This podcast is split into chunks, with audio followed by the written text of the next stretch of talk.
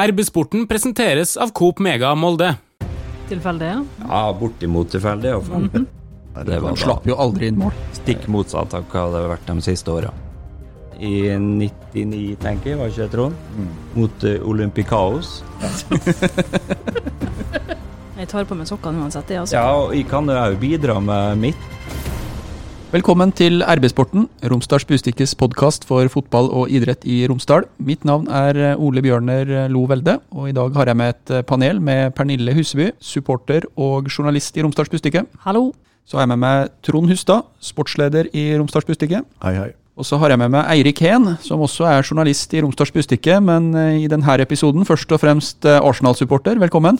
Ja, takk for det. Hyggelig. Siden sist vi spilte inn pod, så har det vært trekning av gruppene i Europa League. Og der ble det Arsenal, Rapid Wien og Dundalk. Og hva tenkte Arsenal-supporter Hen når Arsenal var trukket ut? Jeg holdt på å ramle ut av stolen. Jeg, jeg satt hjemme, og, og, dette er jo en ønskedrøm, men sjansen var jo veldig liten. Um, Regna på 8% Men det å få Arsenal til Molde med ei gate og verdens flottest beliggende stadion og Jeg hadde et håp, men um, tok helt av. Jeg var i stua alene, kun sammen med bikkja. En stor dag. Arsenal kvalifiserte jo til Europa League gjennom å vinne FA-cupfinalen på Wembley. Tar jeg feil, eller er det sånn at det var noen litt spesielle omstendigheter rundt det her for, for din del?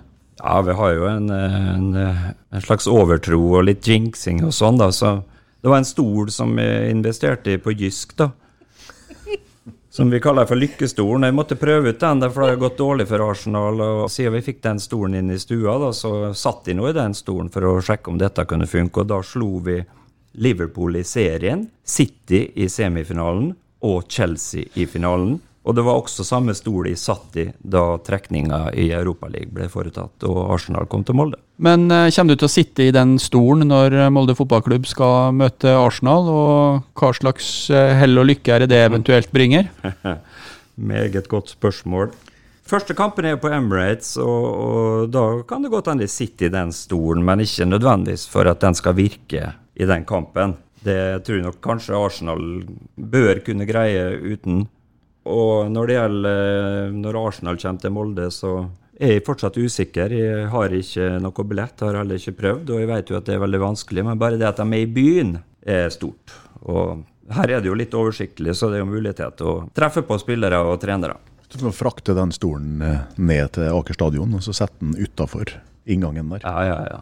Det går jo an å alliere seg med noen som har kontorlokaler på stadion. Så kan du jo sitte i den godstolen og ja. se kamp. Eller så kan du overnatte utafor spillerhotellet og se om du får møtt noen. Det er vel litt ja. kjent Eirik Hen-stil. Vi skal snakke mer om Eirik sine Arsenal-minner, og også hans turer med Molde fotballklubb i Europa. Men først, Trond. Denne gruppa med Arsenal, Dundalk og Rapid Wien, hvor fornøyd skal MFK være med den trekninga? De skal være kjempefornøyd, selvfølgelig. Det tror jeg at de aller fleste som bryr seg om MFK, de ser på dette her som ei ønsketenkning. Helt opplagt. Det ble et superlag. Det ble et trekkplaster, da, selv om det ikke får lov til å være mer enn 600 tilskuere der, sikkert. Så får du den storkampen som en har drømt om, både hjemme og borte, eh, som blir en historisk opplevelse for både klubben og alle som skal være med på dette her. Og så I tillegg så skal Molde vinne mot Dundalk, og Molde kan vinne mot Rapid Wien.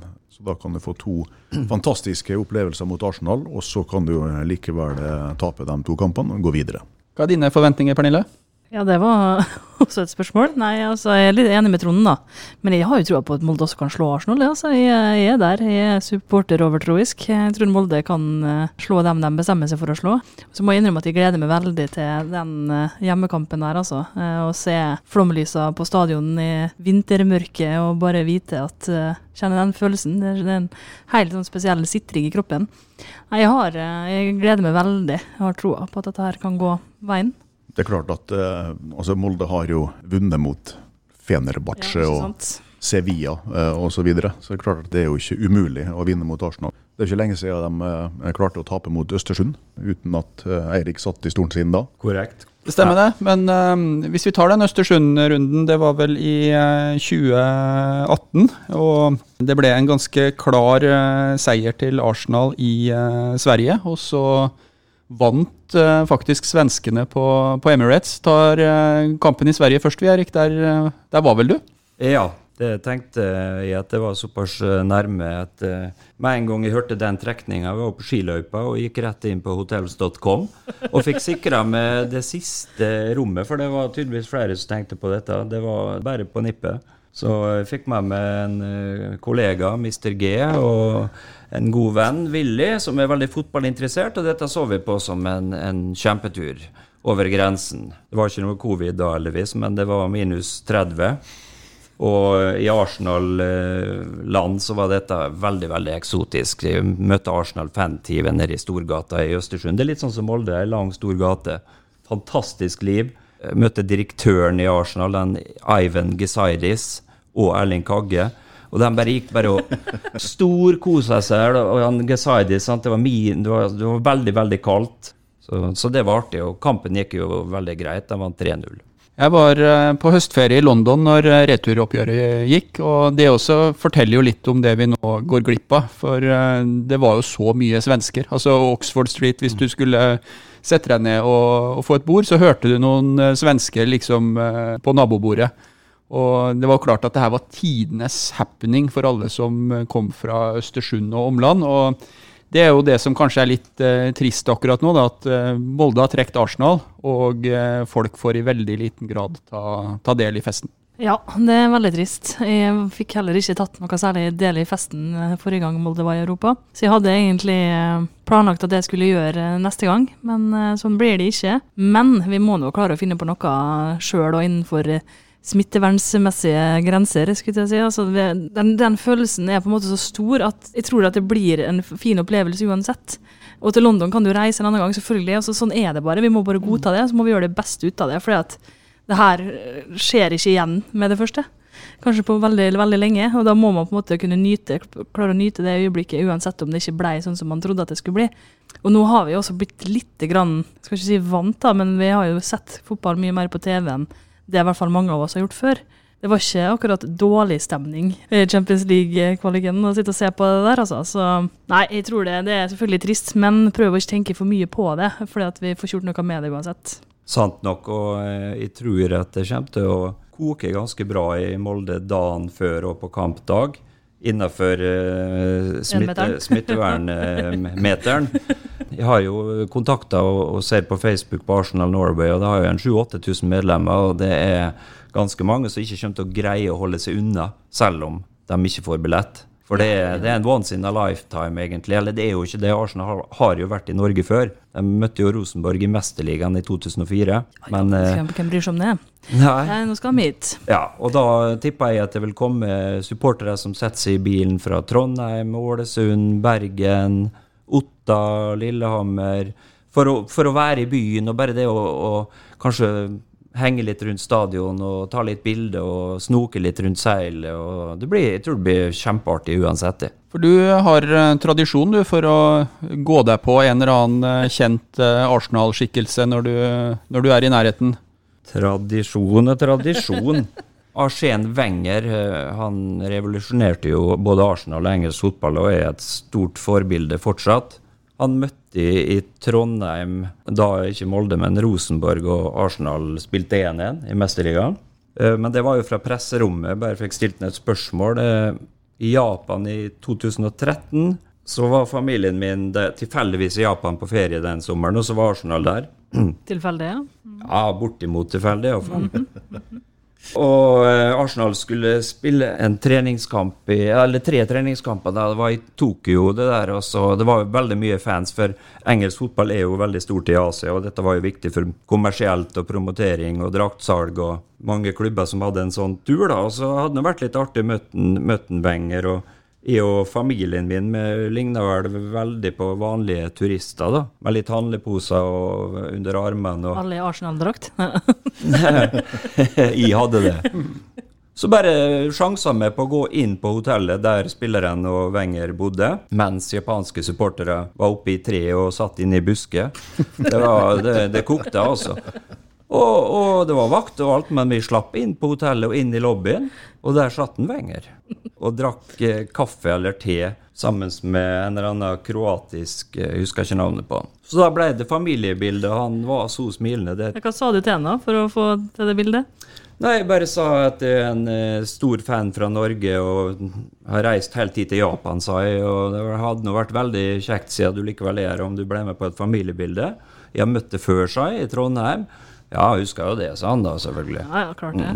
Hva var det spørsmålet du stilte Wenger eh, på pressekonferansen i Trondheim? Det var når Arsenal hadde spilt 49 eh, kamper uten å tape. Så da bare spurte han eh, Tell me, Mr. Wenger, how do you explain how you could play eh, 49 games without losing? Det var mitt journalistiske spørsmål. Og han svarte I don't know, we just did it.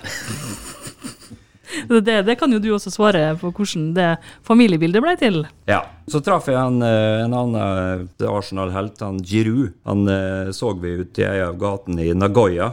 Så da bare fikk jeg drosjesjåføren til å stoppe, og jeg og Oliver, sønnen min, vi sprang etter den, og Nei, for det, vet du. Holder på slik. Sa du Oliver, you have to meet Oliver?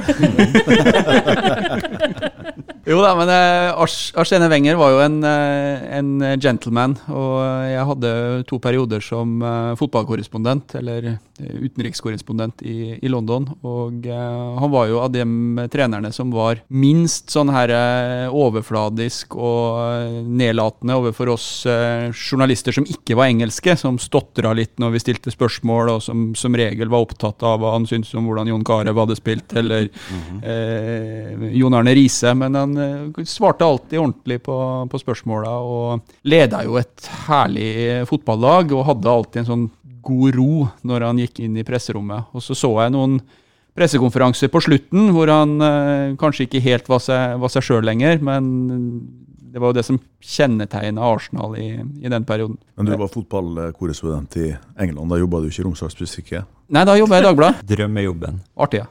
Men eh, Arsenal har jo en herlig trener nå også. Det er vel en av årsakene til at Arsenal-supporterne er litt på opptur. Eh, Mikael Arteta, klubblegende. I Everton og Arsenal. Ja, og, og nå trener. Hvis du skulle ramle på å møte Arteta på Seil eller i Storgata, hva, hva vil du si til han? Da vil jeg si det at uh, hjertelig velkommen til Molde. Håper du koser deg her. Eh, jeg har uh, heia på Arsenal eh, siden jeg var fem år gammel, og må si jeg liker det jeg ser, og alle de grepene du har tatt. Og, og den optimismen som begynner å komme tilbake i klubben. Pluss at du har jo allerede fått tak i et trofé.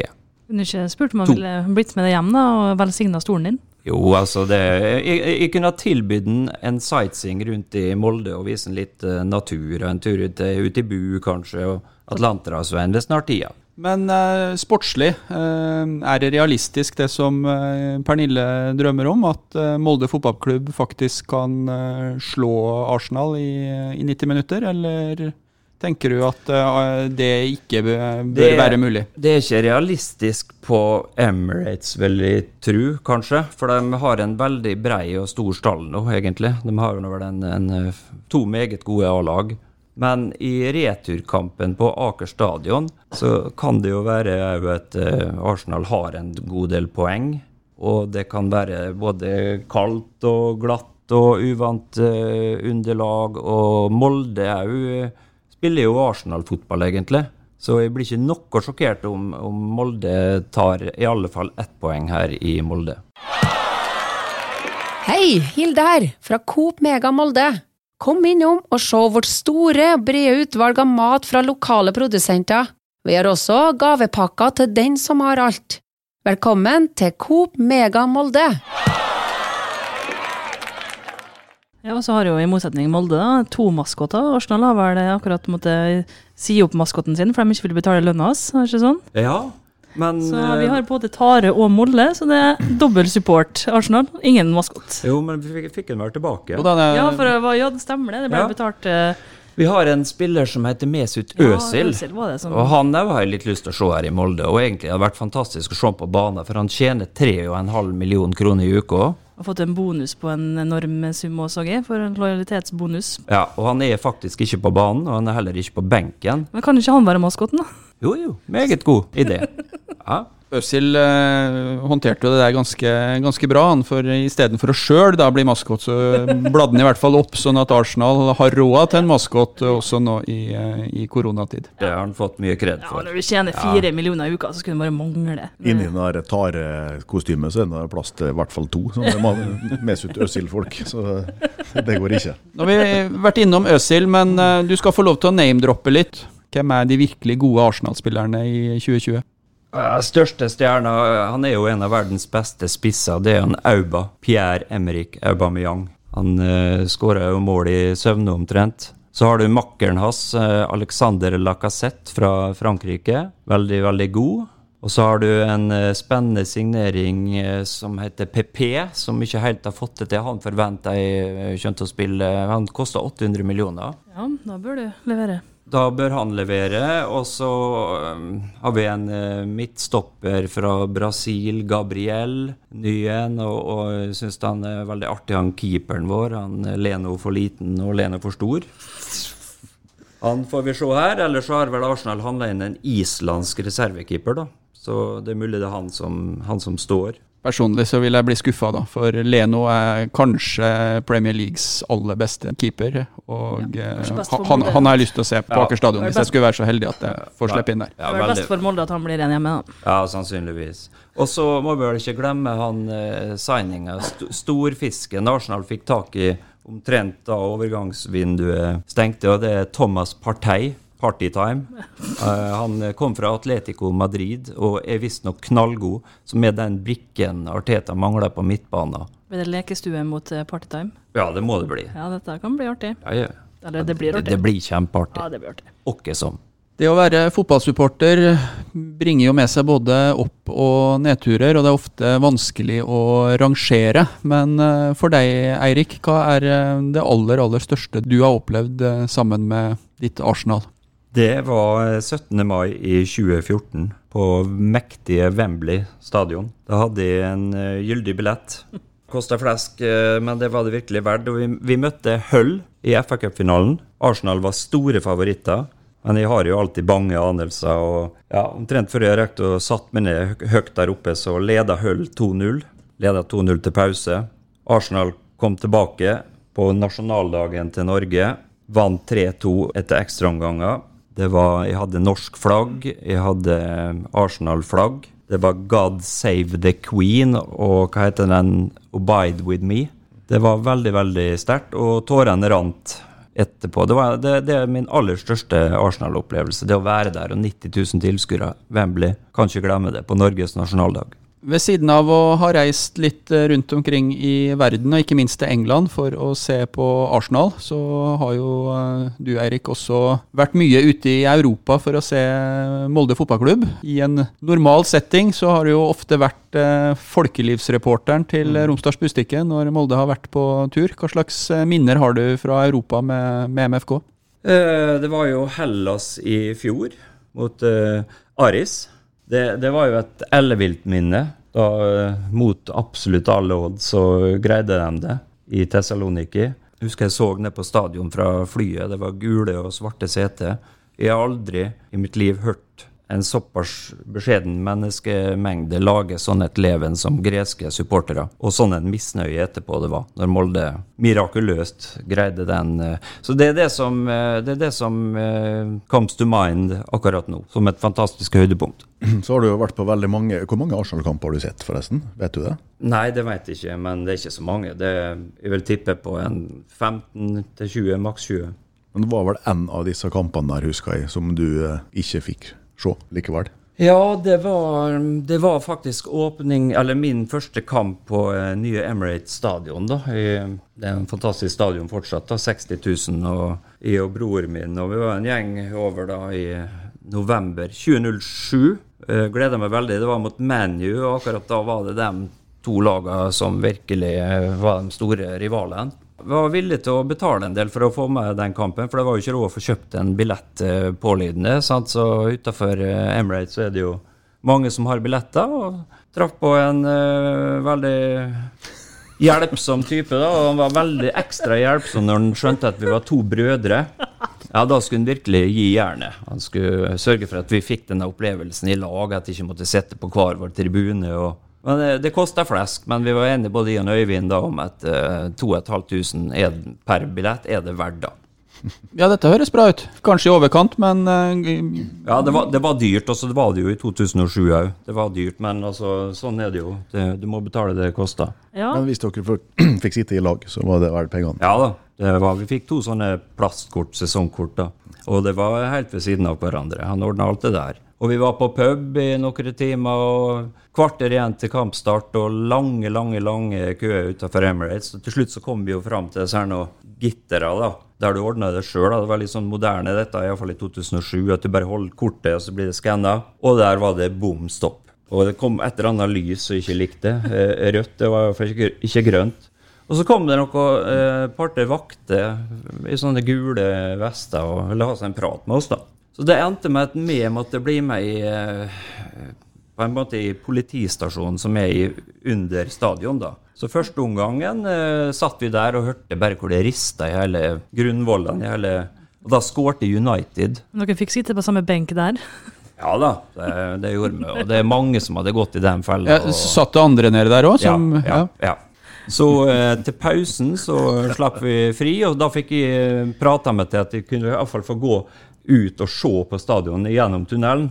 Han ble med, og så var det ut på pub da, og, så, og se resten. Ja, så ble jeg kasta ut fordi at du hadde Jeg hadde billett. ugyldig billett, falsk billett. Rett og slett uh, rundlurt. Du hjelpte jo med eh, med billetter du, Eirik, eh, når jeg var på Arsenal-kamp. Visste du dette her da? Ja. Sammen med min sønn, som er ihuga Arsenal-supporter. Da fikk vi gyldige billetter, Ja. eh, og det var en fantastisk eh, kamp å velge. For vi var på Arsenal-Chelsea på høsten i 2016, når Arsenal rundspilte Chelsea og skårte tre mål eh, i første omgang. Og det var første seieren på fem år, husker jeg. Så det var jo en helt, helt fantastisk eh, opplevelse. Jeg er jo Liverpool-supporter fra barndommen av, men eh, jeg kommer aldri til å glemme denne opplevelsen der. Altså. Var- Ikke jeg heller. Og jeg husker at jeg var ekstra glad for at du og gjengen var på den kampen. For jeg eh, satt inn i en skog i Isfjorden. Vi hadde sånn klasse vi hadde sånn klasse reunion fra barneskolen, da. 25 år etterpå eller et eller annet. Og jeg, satt jo og fulgte med på telefon, sant, og det dunka inn med mål. Og jeg tenkte på han, eh, Trond Hustad og Mathias på Emirates for at dere får litt valuta for pengene. Og denne gangen så visste jeg at det var ekte billetter. Men eh, Emirates eh, på en sånn dag er jo fantastisk, og når det er stemning der, så er det Jeg skulle til å si fengslende, men det ble litt feil i denne sammenheng, da. Men eh, det er i hvert fall helt, helt spesielt å være der når det er, når det er den stemninga. Samtidig så skal jeg innrømme at jeg har vært på Emirates noen ganger, at det har vært ganske stille også. Det er et ganske kresent fotballpublikum, de her Arsenal-supporterne. Ja, det kan du si. Ja, Vi er jo ikke bare bortskjemt, men eh, Emirates er jo ikke kjent for at det er en voldsom kokende atmosfære. Jeg tror det har jo litt med at det er en, blitt en sånn turiststadion eh, som mange vil oppleve, og der, der de ikke helt er synkronisert. I tillegg så har jo ikke laget levert så veldig godt de siste åra, med et eller annet unntak. så... eh, det kan vel forklare det litt, men det er stort, og det er folk fra New York og fra Japan og fra Kina. og Den første kampen jeg var på i, eh, i engelsk fotball, det var også en nasjonalkamp, faktisk. I, eh, i 1989.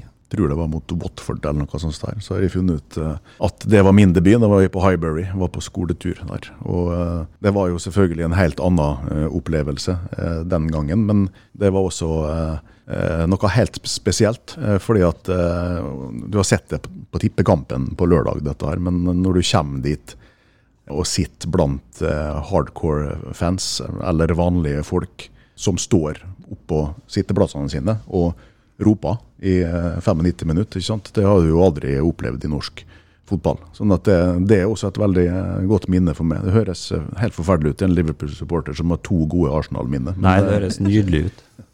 Det gjør det absolutt. Nei, Men det var type eh, Tony Adams og Lee Dixon og Ja. Paul Merson og disse her. Det var slapp jo aldri inn mål. Stikk motsatt av hva det har vært de siste åra. Adams drakk 15 halvlitere før kampen og 15 halvlitere etter kampen, og banens beste. Ja, stor fotballspiller. Jeg var på testimonial til Tony Adams. Det var vel som det som regel er for å få stemning på testimonials. Så mener jeg husker at det var mot Celtic, for da vet du at bortetribunen er full, og at eh, ja, bokstavelig talt, og at, eh, at det er eh, artig. Jeg har sagt eh, bokstavelig talt to ganger, Eirik. Du er jo ved siden av å være fotballsupporter også veldig kjent for å trylle med ord, og glad i i overskrifter. Du var jo en periode også sportsreporter i, i Bustika. Ja, kan, bare, du, bare åtte år, det. kan du si litt om uh, hva du mener kjennetegner en god, en god overskrift? Ja, den skal jo være lett og, og leke en, da. Og går det jo an å få lurt inn et uh, ordspill, så er jo ikke det noe minus, kanskje. Jeg hadde vel ei overskrift en gang da Molde hadde spilt 0-0 mot Odd. Det er kanskje den kjedeligste fotballkampen i uh, Eliteseriens historie. Og da fikk jeg på et eller annet vis lov til å bruke to sider med bare setter. Altså det Donald Duck uh, Søvn. Det var rett og slett søvn, ja. Snork. Snork. ja. Vi har jo fått lov til å delta i litt mimrestunder i kantina om din sportsjournalistkarriere. Og fått høre i hvert fall to eksempel som gjorde at eh, lunsjen ble 20 minutter lenger enn det først planlagt. Det ene er Arild Stavrum i et basseng. Og det andre var han på taket, hvem var han Karlsson? Det var altså Vi sendte Eirik til treningsleiren til MFK i Spania det er i 2006. Og jeg satt på vakt husker jeg, og venta på at stoffet skulle komme fra vår korrespondent i Hen. Eh, og da kom det bilde av eh, Arild Stavrum, den nyansatte treneren, som står med armene i kross og ser litt lei seg ut nede i eh, et tomt badebasseng. Og så kommer tittelen etterpå 'Bunnen er nådd'. Men der tok du jo feil, da. For Molde hadde jo akkurat unngått å rykke ned da, fire år på rad. Og så rykte de faktisk ned det året. Så bunnen var ikke nådd. Nei. På den andre som Pernille nevner, var jo også litt artig. fordi at eh, Tobias Karlsson, den svenske midtstopper, eh, han hadde jo høydeskrekk. Men eh, etter et, ett og et halvt år med overtalelser og tvang, så fikk Eirik med seg svensken opp på eh, Aker stadion på taket der for å skrive 'Karlsson på taket'. tittelen sin. Dårlig og bra på samme tid. Ja, det er veldig dårlig. Det var veldig bra. Det er jo det, da. Ja, men det er jo det, som helt kjennetegner et ordspill. Ja, det er ja, dårlig det er og bra. Så var det jo litt interessant da jeg debuterte for uh, Sportsreaksjon bortekamp i Aten i 99, tenker jeg, var ikke det, Trond? Mot uh, Olympicaos. Eh, og da var det litt sånn uh, før kampen-reportasje fra Aten, og det var jo en tur opp på, opp på eh, Akropolis, blant annet. Og der hadde jo Molde sin egen eh, guide og oversetter, og det var, det var nemlig ei som heter Liss Gustad fra Molde, og hun ble jo med opp på Akropolis. Så, så den, den har jeg fått høre et par-tre ganger på puben i årenes løp, da. Velfortjent. for å si det sånn. Hei sann! Her er jo Hilde fra Coop Mega Molde. Kom innom og la deg friste av den lengste ferskvaredisken i Romsdal. Velkommen til Coop Mega Molde. Ved siden av å se fram til noen kamper i Europa, så går jo Molde inn i en ganske hektisk eh, periode. Nå er, venter eh, Bodø-Glimt eh, først, hjemme på Aker stadion. Hva forventninger har vi til Molde fotballklubb i Eliteserien nå? Det, det er jo ikke noen forventninger til denne her kampen mot eh, Bodø-Glimt. Eh, Det var lenge siden ja. sjøl de mest optimistiske eh, fansen slutta å, å, snakke om eller tenke på gull. Men det som du sier, nå handler alt om å bli nummer to eller tre. Og det spiller ikke noen stor rolle om det blir det ene eller det andre heller. For det at poenget nå er selvfølgelig å, å sikre seg en mulighet til å kvalifisere seg til Europa også neste sesong. Og så eh, er det jo ikke en eh, NM-turnering som går i denne covid-19-sesongen, så det ligger en sånn liten bonusmulighet der også. Det, sånn kan du ikke tenke. Du må sikte på tredjeplassen, men eh, i teorien så kan du få europakvalik med å bli nummer fire. Eller dersom Norges Fotballforbund kjører gjennom eh, et av forslagene sine og kjører sånn komprimert NM på våren, eh, så går jo den eh, sisteplassen til cupvinner. Ja, du gleda deg jo veldig lenge til eh, Bodø-Glimt, eh, Pernille. Jeg husker at vi snakka mye om det når Molde skulle opp til Bodø og møte Bodø-Glimt, og da var det tettere i toppen. Hva, er det litt sånn antiklimaks det som skal skje på lørdag?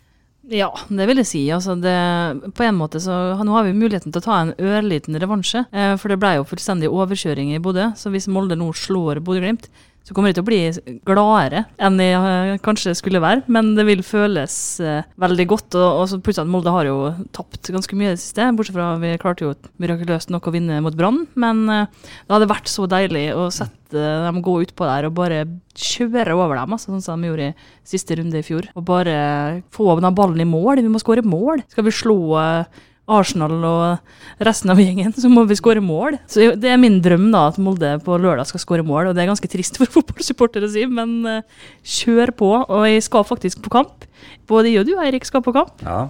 Så da tror jeg kanskje de vinner. Du, du, må ta med godstolen, og så uh, nei, må jeg ta med noe hjemmefra, jeg òg. Du kan ta med en krakk. Tror ikke jeg trenger å ta med noe stol. Nei, jeg har fått mye lykkesokker. Ah, ja. eh, helt seriøst. Noen sylfrekke, sylfrekt sokkepar med leopardmønster som jeg hadde på meg mot Brann. Så sa jeg, nå sendte jeg snap til mine venner og skrev at mm. nå snur det, for i dag har jeg på mine nye lykkesokker. Molde slår Glimt eh, rimelig greit på lørdagskvelden. Tror du det? Ja. ja vi håper de, det. de vil vise at det var Molde som var de klare seriefavorittene i hvert fall favoritter før sesongen. Og de er nødt til å begynne å vinne nå, for nå er, er faktisk hver kamp litt av finale for MFK òg. Jeg tar på meg sokkene uansett. Altså. Ja, og jeg kan òg bidra med mitt. Jeg kan jo f.eks. sette 200 kroner på Bodø-Glimt på oddsen. Ja, det kan du gjøre. Det, da er det garantert at det blir H eller U. Ved siden av uh, Bodø-Glimt er jo også blitt sånn at vi har måttet begynt å se på litt andre klubbers sine resultater pga. denne uh, sølv- eller bronsekampen. Og eh, titter vi litt på Rosenborg, vi ser litt på KBK. og mot alle odds så er jo pinadø Vålerenga oppi der også. Hvem er det vi frykter mest i denne innspurten? Nei, Jeg syns det er litt vanskelig å spå, egentlig. Men uh, altså, Kristiansund har ikke trua på. De, alt de har gjort i en lang årrekke nå, er jo veldig imponerende. Men uh, skal jo ikke ha godt nok lag eller godt nok uh, offensivt grunnspill til å ta medalje, egentlig. Odd har jo gått på noen smeller og har vel litt uh, skadeutfordringer, dem òg nå. sånn at uh, Jeg vil ikke si Rosenborg heller, jeg har ikke trua på det. Jeg håper at Vålerenga kan være med oppe i toppen av norsk fotball. Det hadde vært veldig positivt. og I tillegg så har jo de nå fått en fabelaktig målskårer i Kjartansson, som kanskje kan bli avgjørende utover høsten. Vil det være den endelige bekreftelsen på at Dag Eilev Fagermo er en sabla god fotballtrener, hvis han får til Vålerenga? Nei, altså det vil jo være mer et bevis på at eh, ledelsen i Vålerenga er en god ledelse. det, Fordi at de henta spissen. Det var jo ikke Fagermo som gjorde det. Det her var alt vi hadde i denne episoden av RB-sporten. Dersom du abonnerer på RB-sporten der du abonnerer på podkast, så får du beskjed når en ny episode er klar til lytting. Takk for følget.